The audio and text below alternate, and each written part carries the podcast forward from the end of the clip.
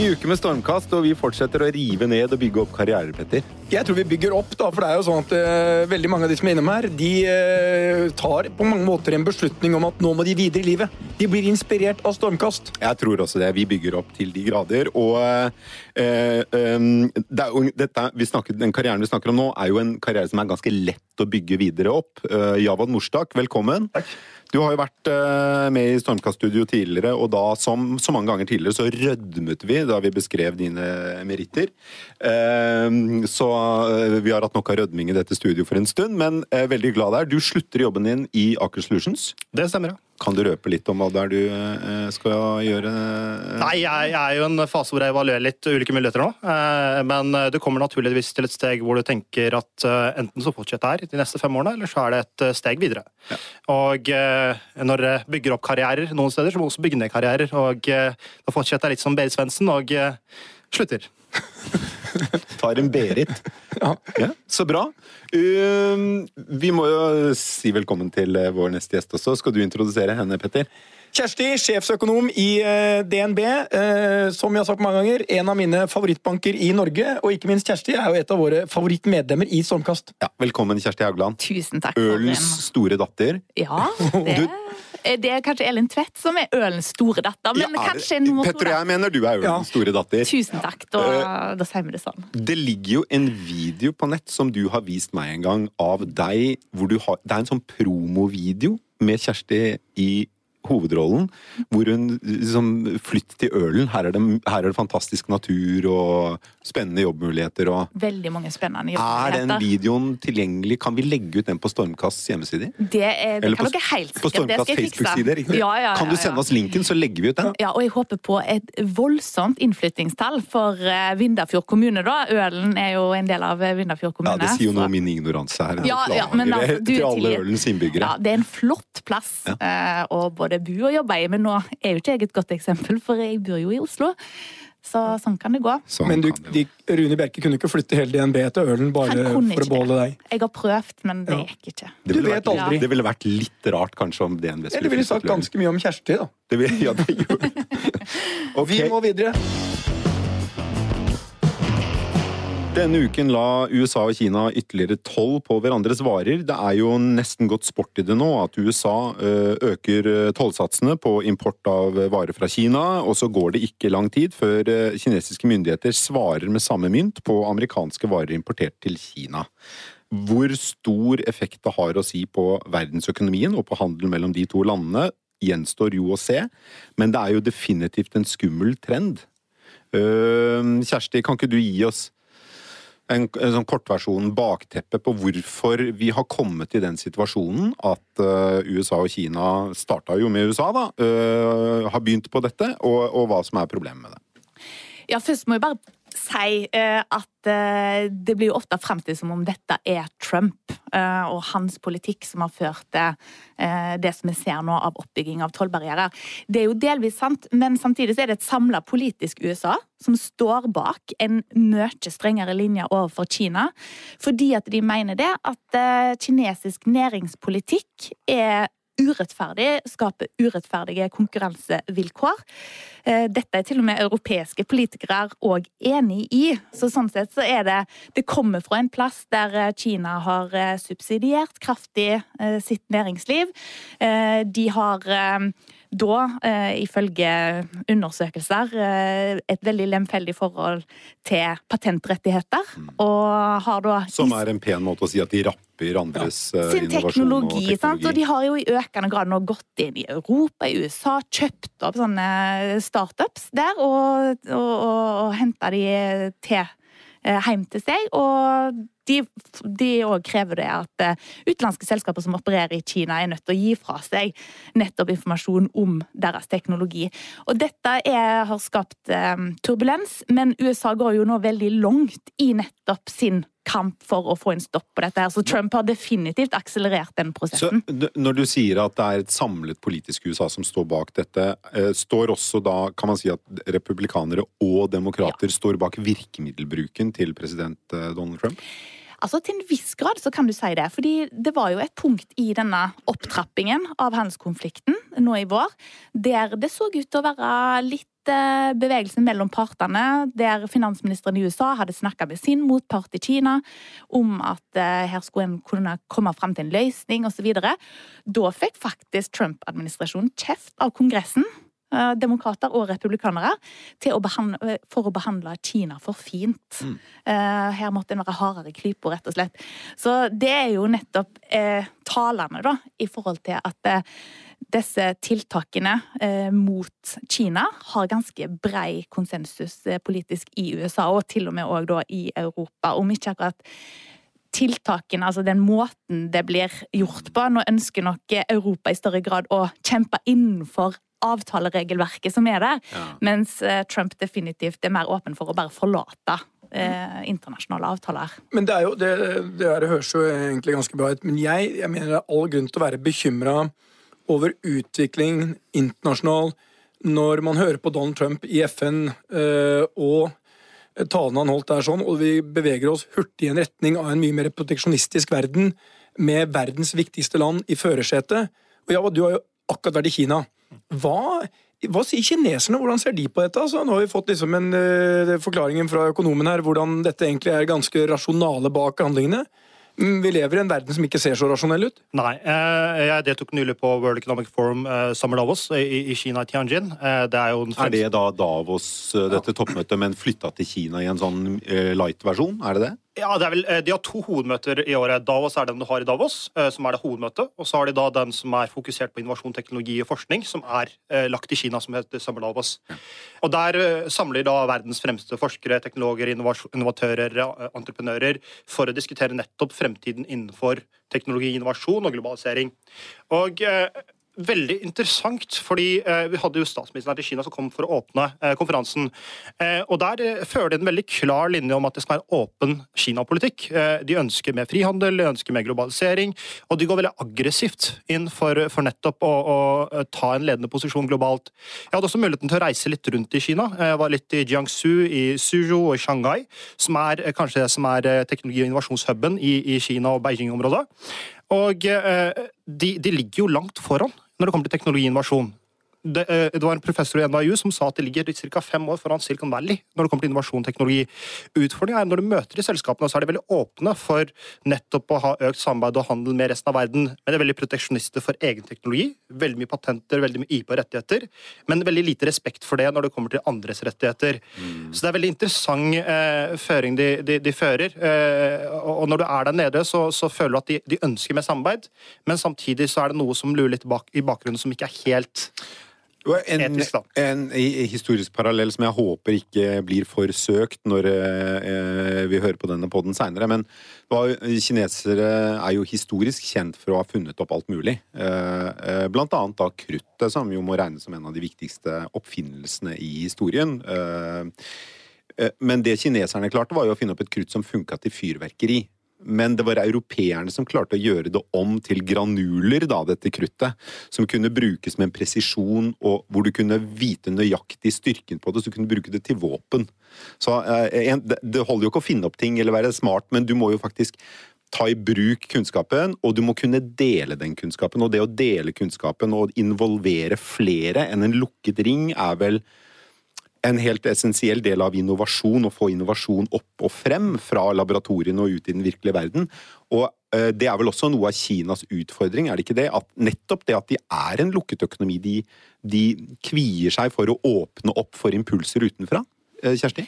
Ja, jeg tror du har rett i det. Samtidig så har Kina noen åpenbare fordeler. For i dette teknologiske kappløpet eh, som, som, foregår nå, for jeg er helt enig, dette handler jo egentlig om det djupeste sett her, så er det en, en djup konflikt mellom USA og Kina. Hvem er det som skal bli den ledende teknologistormakta i året som kommer? Og dermed òg den ledende supermakta.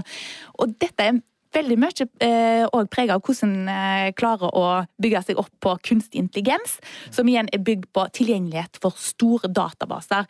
Og I Vesten så har en mye personvernregler som det står litt i veien for å hindre at en skal virkelig få opp de store datamengdene. Mens i Kina så er jo ikke dette en issue i det hele tatt. Så de har jo kommet veldig langt, og jeg er jo helt enig i den bedømmelsen som du eh, nå eh, sier at du har fått inntrykk av i Kina og hørt om i Kina.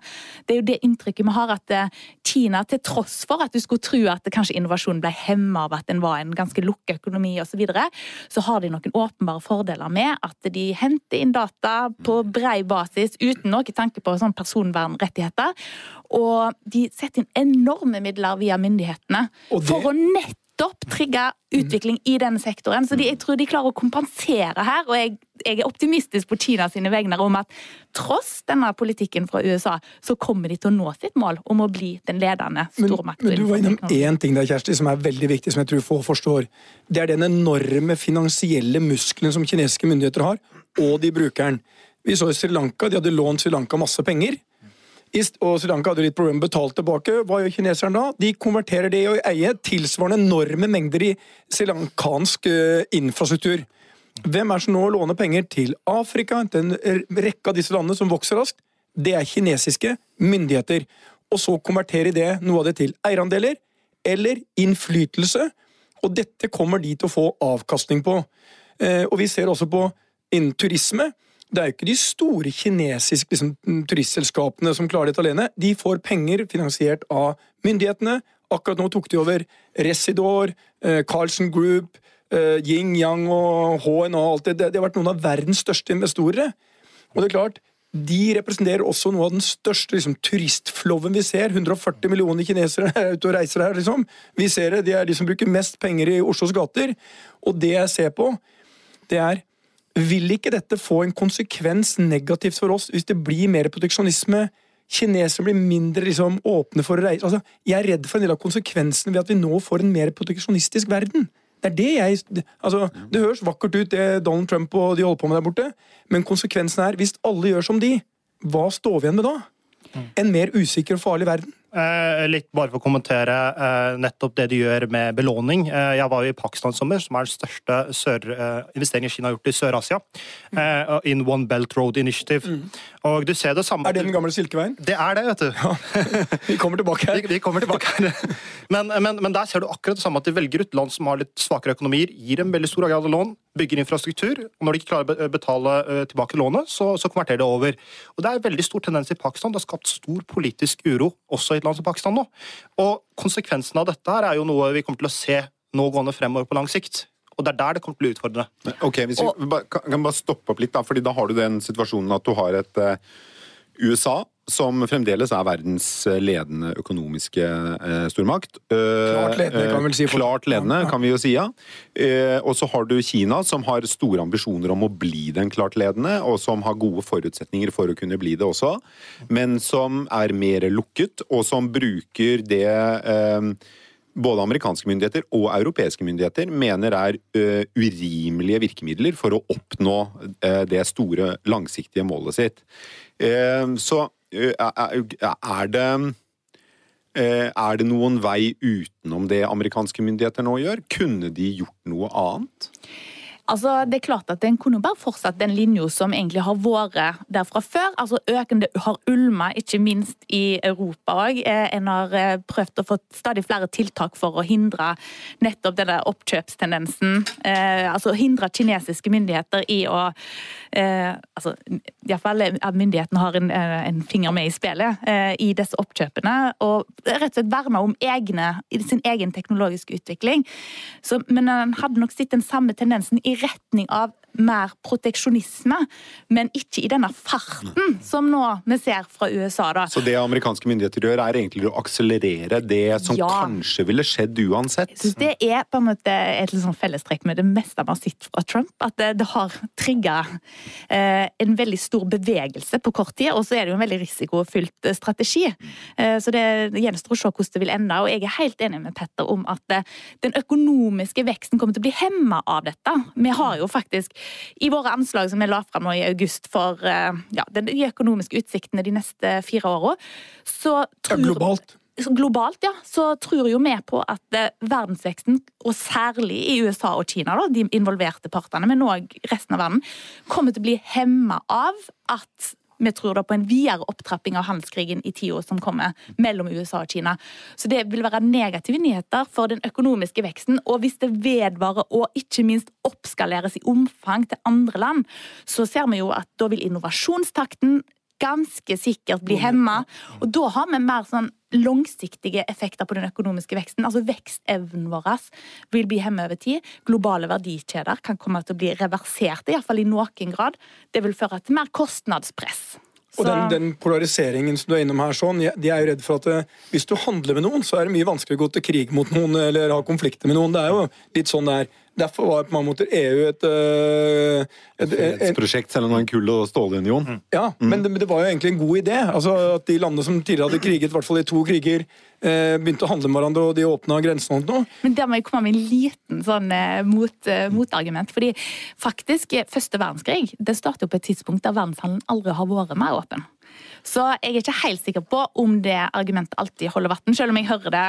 Hører det. Ja, det, det, det er jeg er jo helt enig med deg, Kjersti. fordi under, Før første verdenskrig så var det jo To proteksjonister her. Eh, nei, nei, men jeg kan anbefale en bok. Stefan Zweig 'Verden av i går'. En helt ufantastisk fantastisk bok hvor han nettopp beskriver bl.a. tiden før første verdenskrig, som var en tid der du kunne reise mellom Tyskland, England, Frankrike uten å vise pass til noen. Du kunne selge varene dine uten å bli forstyrret av tollunioner eh, eller tollbarrierer eller noe sånt. Det var, det var, nesten helt fritt, og likevel så fikk du da den eh, mest grusomme krigen eh, verden hadde sett til da. Eh, eh men eh, jeg, jeg, har ikke lyst til å gi meg helt jeg, på, på liksom, Kunne man sett for seg en annen utvikling enn den som skjer nå? fordi Eh, eh, sånn teoretisk og, og, og, faktisk så er jo frihandel til det bedre. Uh, tror jeg i hvert fall alle her i rommet mener. Og, og det er sånn grunnleggende økonomisk liberalisme. Frihandel er best. Uh, men utfordringen med det er jo at det skaper noen tapere, og de taperne er veldig synlige uh, og lett å få øye på, mens vinnerne er det mer diffust å sette å sette navn på det. Eh, det eneste du ser, det er de aller rikeste, som får da ekstreme utslag. Sånn at det er vanskelig å kanskje få den helt store sympatien for frihandel. Eh, og det er vel det også Donald Trump spiller på. At vi vi taper. Se på alle arbeiderne i, i rustbeltet som er arbeidsledige. De har ingen sjanse fordi kinesiske myndigheter tar alle jobbene fra dem. Mm. Det er jo en retorikk som er upåklagelig. Og ikke, ikke bare i USA. Ikke Men bare i USA, det, dette blir jo brukt i Europa og ja. har fått stort gjennomslag. Uh, selv om det er akkurat i valgene i det siste så har ikke disse ekstremkandidatene uh, vunnet helt fram, men de har jo hatt veldig høy oppslutning. For når du kjører gjennom en helt typisk fransk eller italiensk dal utenfor de store byene, så ser du jo veldig mye av det samme. I dal etter dal etter dal. Det er uh, industribedrifter som knapt er gjort noe med siden 60-tallet. De står der og ruster og harker ut et eller annet produkt som egentlig ingen har lyst på. Kanskje er det lettere å se vinnere i Europa hvis vi er i det er som i fotball. De spiller mye, og Tyskland vinner til slutt. Ja, ikke sant? I Europa det er litt lettere å se vinnerne. Så Europa, er, da noe av er da, øh, Jeg har ikke helt lyst til å gi meg det. Er da noe av av fordelen i USA, da, at du har en mer åpen, ofte til det ubehagelige politisk debatt om disse tingene, mens i Europa så er det større avstand mellom den politiske eliten og taperne? Det kan jo hende at det er sånn. Samtidig så har jo USA noen enorme altså Forskjellene der, som du påpeker at internasjonal handel òg er med på å skape.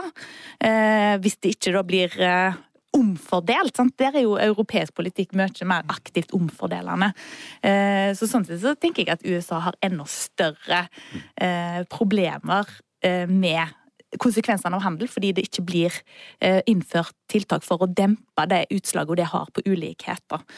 Så det kan jo, det kan jo slå begge veier, og jeg tror at jeg tror nok at i, i sum så Altså, USA er jo en kjempestor økonomi.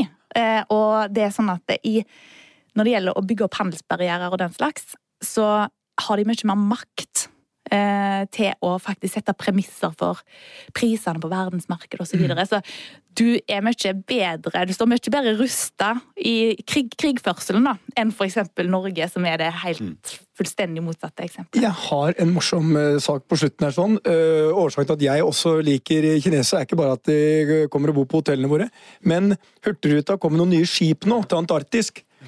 Og, hvem, og normalt så er det tyskere, engelskmenn og amerikanere som fyller båtene. Men de fem første seilingene i Antarktis de ble kjøpt av ett selskap som het Alibaba. de kjøpte fem seilinger? De kjøpte fem hele seilinger. Er det til de ansatte, eller er det kunder? Nei, nei, nei det, det, de gjør, og dette er kinesere, vet du, disse er fantastiske kapitalister. De kjøper hele skipene, repaketterer med reise, alt sammen, og selger det videre ut, og legger sikkert på 25-30 til den kinesiske øvre middelklasse. Må ha vært hysterisk lønnsom start for uh, disse uh, Siden det ikke er børsnert, kan jeg si svare på det. Ja, definitivt. Fantastisk. Bare få den båten opp til Antarktis, da. Hvordan snakker de kineserne du møtte om det som skjer? De har jo hatt en veldig eh, dempet tone om nettopp eh, denne handelskrigen. Eh, så de ønsker mer åpen handel. De ønsker å ha mer samarbeid eh, med andre land også utenfor USA. Eh, så hele tonen under konferansen var eh, åpen Kina, åpen innovasjon, økt samarbeid, uten å snakke veldig mye om det som skjer med USA. Det ble nevnt i veldig veldig liten grad. Så, det var en veldig interessant stemning under konferansen. Alle visste at det lå noe ulmet i bakgrunnen. De visste at det skjedde en handelskrig nå med USA, men, men alt fra statsministeren til de som deltok, snakket veldig liten grad om dette. Men vi må ikke slippe det, da, siden vi ikke han slapp, vi ikke heller slipper helt. Én ting, Kjersti. Mm. Det er jo enorm oppbygging av gjeld både i kinesiske selskaper og den kinesiske staten. Mm. Det, det, er jo Mange som snakker om at den neste krisen kan kanskje komme det er sånn, for Gi ditt liksom, syn på eh, kinesisk Vi har hørt om byer som liksom er bygd for én million mennesker som står tomme. og Det er liksom, det er historie på historie her og kinesiske selskaper som hver dag du kan lese om det utenlandspresse, som har for mye gjeld, og hvor staten går inn og tar kontroll. Mm. Og, de, og, det, bare for å ha sagt det, vi har jo sett på dette som en risiko lenge. At nettopp Kina Selvfølgelig, du var tidlig ute. Nei, nei, ikke noe tidligere ute enn andre, men jo, vi deler jo den frykten som er blant alle, at Kina kan komme til å gå på en hard landing. I den mm. forstand at du får en skikkelig trøkk økonomisk. Og det kunne jo få konsekvenser for hele verdensøkonomien, og ikke minst oljeprisen. Eh, så det er noe som konstant ligger der som en risiko, fordi at gjeldsgraden i kinesiske selskaper er veldig, veldig høy. da. Og det som skjer nå i form av handelskrigen, bare for å knytte det tilbake til det, det fører faktisk til at eh, myndighetene sin opprinnelige strategi, som gikk ut på at nå må vi dempe disse ubalansene og sørge for at det blir mindre risiko for at vi havner i den situasjonen, den blir nå antageligvis lagt til side, og de gønner på enda mer, eh, sånn at låneveksten kan øke enda mer i kinesiske selskaper for å motvirke de negative økonomiske konsekvensene av nettopp handelskrigen da som de fører mot USA. Så den, den, den Er det litt sånn at man uh, pisser i buksa her for å holde ja, varmen? Det kan du si, men for kinesiske myndigheter så er det jo ekstremt viktig at ikke befolkningen blir misfornøyd, og at vi får en for uh, hard økonomisk nedtur. Det kan jo føre til at de mister sitt feste i befolkningen. Og, så her er det mange hensyn mot hverandre i de siste årene så har de brydd seg nettopp om finansielle ubalanser og prøver å bekjempe dem. Og bekjempe miljøforgiftning osv. Men eh, nå tror vi nok at de kommer til å slå litt revers her og tenke at det viktigste er at ikke arbeidsledigheten øker. Og dette spekulerer vel også amerikanske myndigheter i, gjør de ikke det? Ja? Det dette de er vel i stor grad en game of chicken? Eh, det klassiske hvor to biler kjører mot hverandre, og hvem Absolutt. viker sist? Absolutt. Eh, og hvem kan stå i den handelskrigtrusselen som det jo fremdeles i stor grad er lengst. Mm. Så får vi bare håpe at én viker, ellers så blir det en kjempesmell, som Kjersti er innom her. Ja.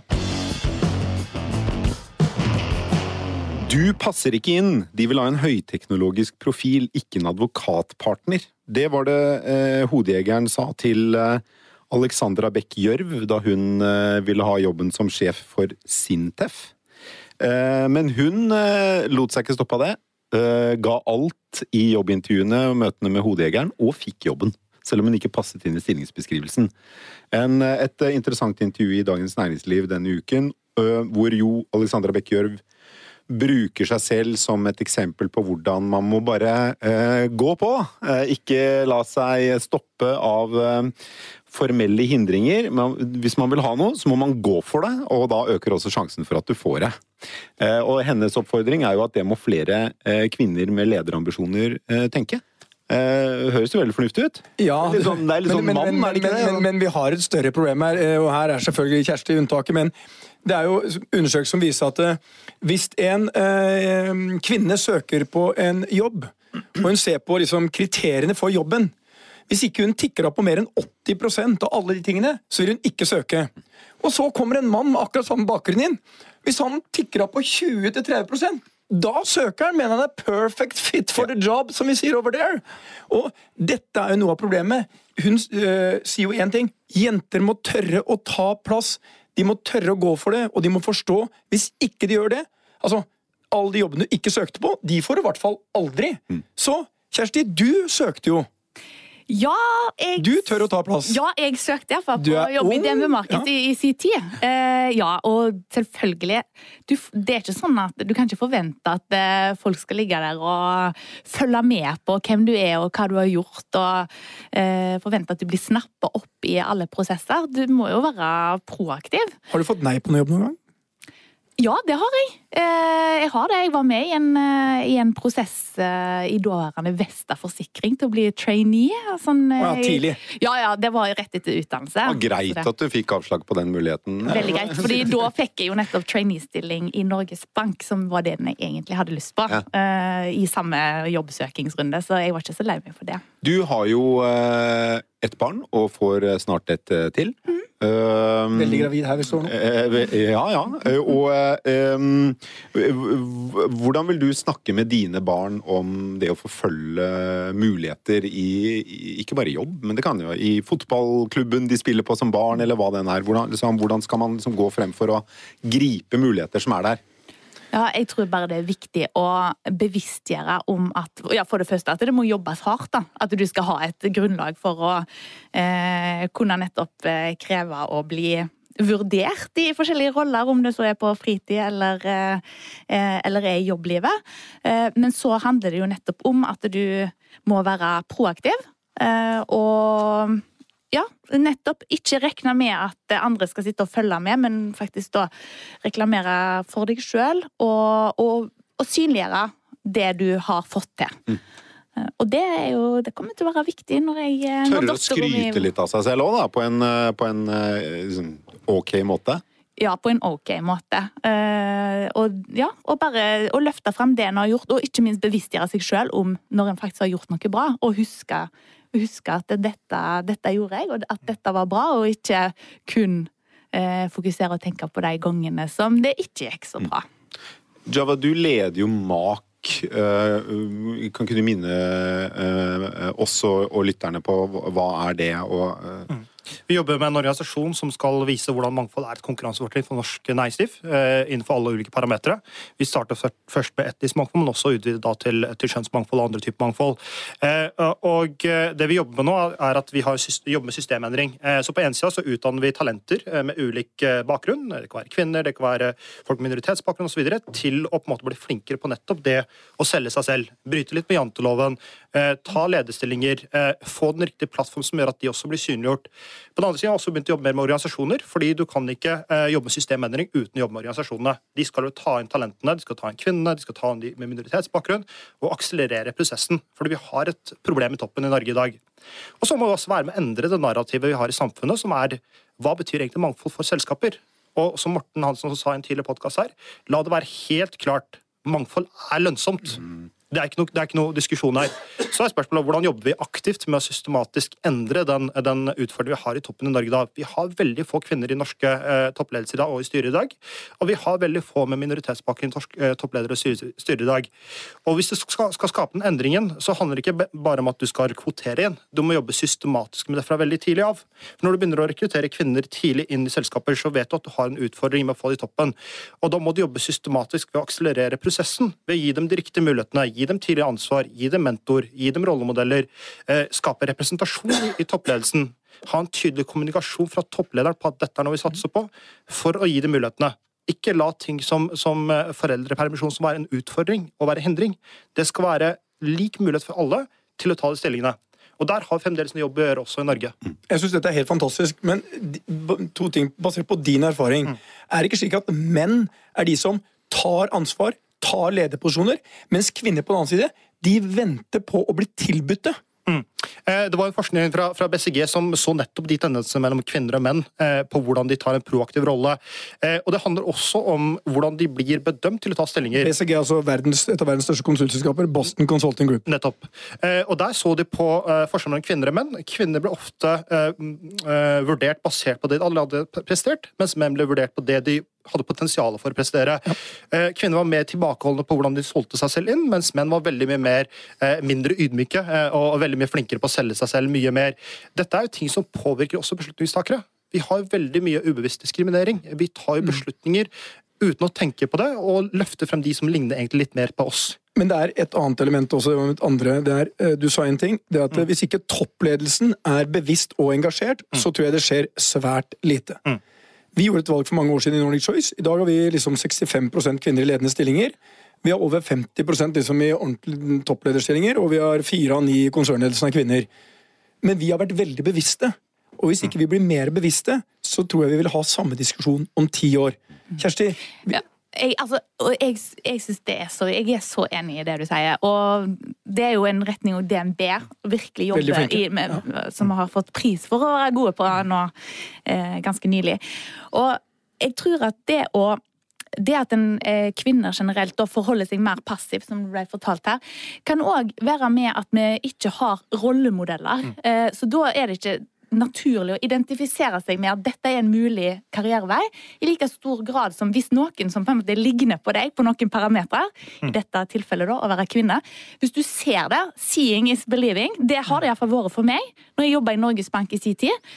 Jeg så at flere og flere kvinner ble ledere der, så begynte jeg å tenke ja, Kanskje jeg òg kan bli leder der. Men jeg hadde ikke tenkt det på samme måte hvis det bare var menn. Fordi... Alexandra Bech Gjørv hun, hun, har jo blitt intervjuet i forbindelse med en masteroppgave på NTNU. og der er det i den masteroppgaven, Jeg husker dessverre ikke hvem det var som mm, skrev den. I så fall skulle jeg nevnt hans eller hennes navn. men eh, det er noen av de forutsetningene det trekkes frem i den oppgaven eh, som er eh, regnet som ekstremt viktige for at kvinner, og også folk med minoritetsbakgrunn, skal hevde seg, og som står utenfor dem selv. Og det ene som trekkes frem som trekkes frem som svært viktig, er nettopp rollemodeller. Mm. Rollemodeller, og at man har liksom kommet fra familier med samfunnsengasjement og det å være vant til å ta ansvar. Og det er jo noe, altså Selv er jeg jo vokst opp på Oslo vestkant, uh, og det er veldig tydelig uh, liksom, Du ser det på veldig mange av de jeg har vokst opp med òg. De, de, føler at de har en mer naturlig rett til å ta for seg av verden, fordi de nettopp har vokst opp i familier, eh, og de har hatt venner som eh, har foreldre som har tatt for seg av verden. Og det der å ha rollemodeller som viser at det er mulig, og det kan man gjøre hvis man bare vil og tør, det eh, tror jeg er ekstremt viktig, altså. Mm. Og, og, og, hvis man ikke bryter litt med det, så blir det jo bare sånn at det er folk fra Oslo vest som fortsetter å få de fete jobbene, og, sånn, og da går man glipp av så vanvittig mye talent. Mm. Ikke bare av eh, kvinner, men av folk fra ø, selv ølen. Mm. Selv ølen? ikke sant? Ja. Så det er utrolig viktig. Og så er det ansvar i oppveksten. Det at man uh, har fått ansvar, eller blir gitt ansvar, uh, uh, allerede som barn. Og så er det det å Når man da man må ha sjefer som gir eh, ansvar tidlig, og lar eh, kvinner, da, som er trukket frem i den oppgaven, eh, svømme på dypt vann. Mm. Og så får de svømme eller synke. Det får være opp til dem, men de må få det ansvaret tidlig. Mm. tre punkter som trekkes frem. Syns jeg høres uh, veldig fornuftig ut. Ja, du er jo veldig fornuftig, Per. og det er veldig, Jeg ville jo bare gjort det mye enklere og sagt liksom Har du aldri fått nei på en jobb, så har du ikke sikta høyt nok. Ja. Eh, og da er det sånn at mitt bud er derfor, til alle jentene der ute La ikke dine egne begrensninger eh, stoppe da, la andre sette de begrensningene. Tør å stikke deg litt frem. Ta sjansen. Vi, vi, vi, vi er veldig dårlige på å på en måte eh, se på det å feile eh, som, som, Vi ser på det som noe negativt. Det er læring. Vi må feile, vi må falle litt, og så komme opp igjen. Og det, det verste vi kan få, er, er vi tenker at ja, får vi ikke jobben, så, så tenker vi at ja, da har vi feilet. Det er ikke feiling. Vi må, vi må bomme litt. Altså, Jeg elsker det! Altså, det er jo sånn at det, er, eh, altså, det å feile og gå på snørra, det er jo det er liksom starten på suksess. Og hvis ikke du har feilet noen ganger, så har du gjort et eller annet feil. Så, og det er sånn, Jeg elsker og Det er jo litt sånn om det er selskaper eller mennesker. Hvis det har gått konkurs, ja, det var det vi kunne Nei, nei! Det er noe av læringen. Og vi, flere må tørre å gå på snørra, som vi sier. Og det, og det er jo derfor også vi, vi Jeg får sier kanskje det fordi jeg fikk sparken sjøl. ja, alt for alle. Men jeg, jeg husker veldig godt da Idol først kom til Norge. eh, Det, da, den gang så var jo det noe ganske sånn nytt. Du hadde noen få som kunne synge veldig bra, men du, det store flertallet kunne jo ikke synge i det hele tatt. Men de tok sjansen, og de sto der oppe på scenen. Og så var det noen som kanskje hadde noe, og de strakk seg, og de fikk muligheten til å være med videre. og så Men, lærte men, men, de men, men altså, Idol altså, La oss aldri glemme han som satt som rørlegger Å, jeg er I- rørlegger er kjempebra, i Bergen. Kurt Han sittet som rørlegger i mange år. Og var ikke bare kom og La oss være ærlige. Når han kom der, så kanskje ikke ut som den eh, rockestjerna eh, du du vanligvis tenker rockestjernen ser ut. Men hva skjedde? Dro til London, ja. Vant World Idol. Han og Jan Fredrik Karlsen var jo de to mest overraska av alle i den salen der. sånn. Var det mulig? Men han, hadde, han kunne gjort dette her, ti år før. Hadde han trodd på seg sjøl når han satt og spilte gitar og sang. Men han måtte ha et idol. Og det er det jeg sier. Vi hadde noe som het Talent i jakten nå, for å få fram kvinner og få fram etnisitet og mangfold. alt det greiene der sånn. Og vi, ha, vi må ha det for å få alle til å tørre. Kom til oss, vis dere fram. Så vi kopierte faktisk Ja. Idol for å få fram mangfoldet. Og du hadde et kult Hvis ikke dere kommer til oss, må vi hente dere til oss. Du hadde et kult eksempel før vi gikk inn i sendingen her med en, en kvinne som eh, sto opp på scenen og fortalte litt om seg selv og hvorfor hun var rett person. Eh, også på vei ut av scenen Ja, Hun skulle jobbe, ville jobbe i resepsjonen, og det eneste hun ikke hadde sagt På vei opp trappa så sier hun tilfeldigvis. Kanskje jeg skulle sagt at jeg snakker jo fem språk flytende. For hun snakka ikke norsk, da. Hvorav kinesisk og japansk, eller mandarin og japansk var to av de. Vi ble jo blown away. Ja. Dama kommer til å få jobb i resepsjonen. Så enkelt er det. Og det er litt sånn Du må selge de bæra du har. Eh, Og for å ta en ny overgang da Selg de bæra du har.